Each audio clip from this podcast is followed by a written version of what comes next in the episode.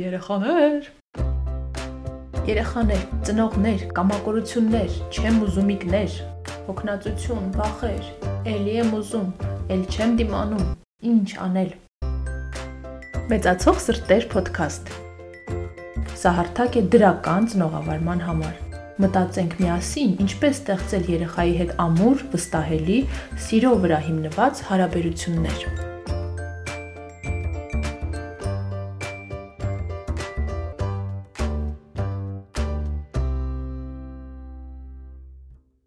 Նախորդ էպիզոդում մենք անդրադարձանք երեխայի զգացմունքներին ու քննարկեցինք ինչպես օգնել երեխային հաղթահարել դրանք։ Իսկ այսօր խոսելու ենք ծնողների մասին, ծնողների զգացմունքների մասին։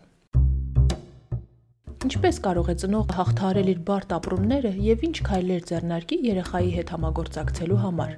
Չէ՞ որ ծնողնել է մարդ եւ ծնողավարումը հաճախ շատ բարդ գործ է։ Երբ երեխայի եւ ծնողի պահանջմունքները չեն համընկնում, սկսվում է բարդ, երբեմն շատ զայրացնող պայքար ծնողի ու երեխայի միջև։ Ծնողը ուզում է որոշակի կարգ ու կանոն, իսկ երեխայի համար հաճախ դա կարևոր չի։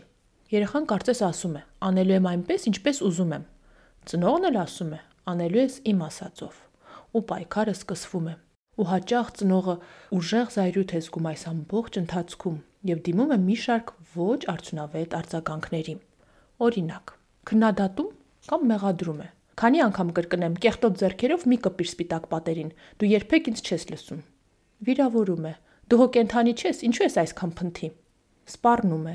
Եթե 5 րոպեից չհակնվես, ես գնում եմ։ Հրամայում է։ Հենց հիմա հավաքիր սենյակդ։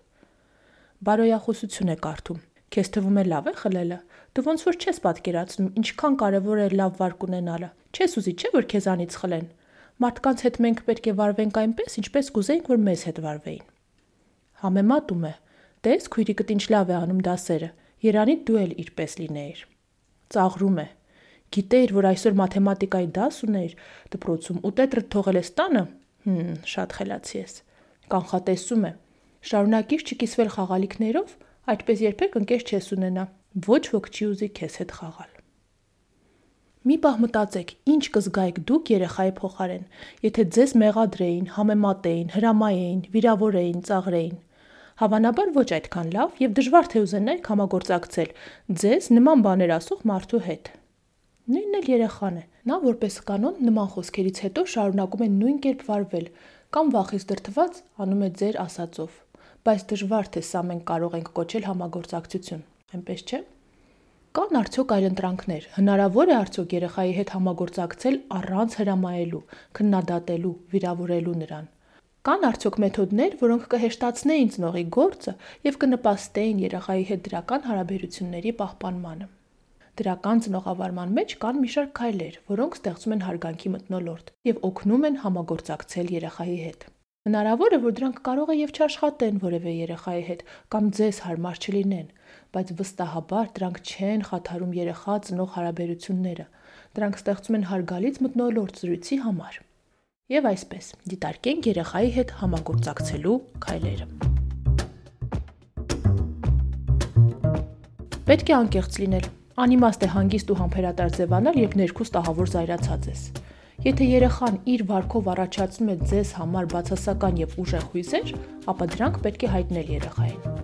Քանի որ դրանք ճնշելով դուք միևնույն է չեք թաքցնի բացասական հոգեվիճակը։ Եթե դրանք նույնիսկ այդ իրավիճակում չդրսևորվեն, ապա կարտահայտվեն այլ իրավիճակում։ Ավելի լավ է խիստ եւ ներքինին համապատասխան արձագանք տալ, քան ձևացնել, թե իբր հանգիստ եք։ Մեկ այլ հարց է, թե ինչպես այդ արձագանքը տալ։ Նախ եւ առաջ Մի պահ փորձեք գնահատել ձեր հուզական գրգռվածության աստիճանը։ Եթե հասկանում եք, որ այնքան զայրացած եք, որ հնարավոր է կոպիտ լինեք երեխայի հետ, ապա ավելի լավ է time out վերցնեք եւ վերադառնաք իրավիճակին, երբ հանգիստ կլինեք եւ ի վիճակի կլինեք կառուցողական զրույց վարել։ Սա շատ կարևոր է, եթե դուք զրույցը սկսեք զայրացած եւ գրգռված վիճակում, ապա դրանով իսկ երեխայի համար օրինակ կծառայեք եւ նա հետագայում զայրույթը նույն կերպ կարտահայտի։ Կենտրոնացեք երեխայի արարքի եւ ոչ թե նրա անձի վրա։ Ձեր խոսքը պետք է ուղղված լինի միմիայն երեխայի արարքներին։ Նկարագրեք այն, ինչ տեսնում եք, կամ նկարագրեք խնդիրը։ Շորերը թատակին են գծված։ Նկարագրությունը շատ կարևոր հնարք է։ Այն օգնում է երեխայի ուշադրությունը կենտրոնացնել խնդրի վրա, առանց նրան վիրավորելու։ Տեղեկություն տվեք երեխային։ Օրինակ, պատերը նկարելու համար չեն, կարող ես նկարել թղթին կամ կեղտոտ ափսեները պետք է դնել լվացարանի մեջ։ Հաճախ երեխաները կարկախապահ չեն պահում, քանի որ չգիտեն ճիշտը որն է կամ ինչ սпасելիք ունեն ծնողները իրենցից։ Երբեմն օգտակար է լինում մեկ բառով ասելը։ Օրինակ՝ Լուիսը նամակ գրեք ձեր երեխային։ Օրինակ, ինչ միացնել է հերոստացույցը, համոզվիր արդյոք տնայինները տարել ես թե ոչ։ Գիտեմ, որ շատ զբաղված ես, բայց սենյակի տիրերը պետք է դարակում լինեն։ Սիրով մայրիկ։ Խոսեք ձեր զգացմունքների մասին երեխայի հետ։ Այս հնարքը իրականացնելու մեջ կօգնեն ես արտահայտությունները։ Ես արտահայտությունը հնարք է, երբ ծնողը առաջին դեմքով դիմում է երեխային, ասում է իր հույզի մասին առանց մեղադրելու նրան։ Օրինակ, այսինչ տեսք ունես, չես ամաչում, այս արտահայտության փոխարեն կարելի է ասել. Ինձ դուր չի գալիս, երբ երեխաները փնթի տեսք ունեն։ Ես արտահայտությունների համար հարկավոր է նկարագրել իրավիճակը, մատնանշել զգացմունքը, որն առաջանում է տվյալ իրավիճակում եւ նշել պատճառը։ Ես արտահայտությունները կարելի է սկսել հետեւյալ կերպ. Ես ուրախանում, տխրում, վիրավորվում եմ, երբ դու Ես հիասթափված եմ, զարմացած, ափսոսում եմ, որ Ես անհանգստանում եմ, երբ Այս իրավիճակում ես կուզեի Ես ջղայնանում եմ, երբ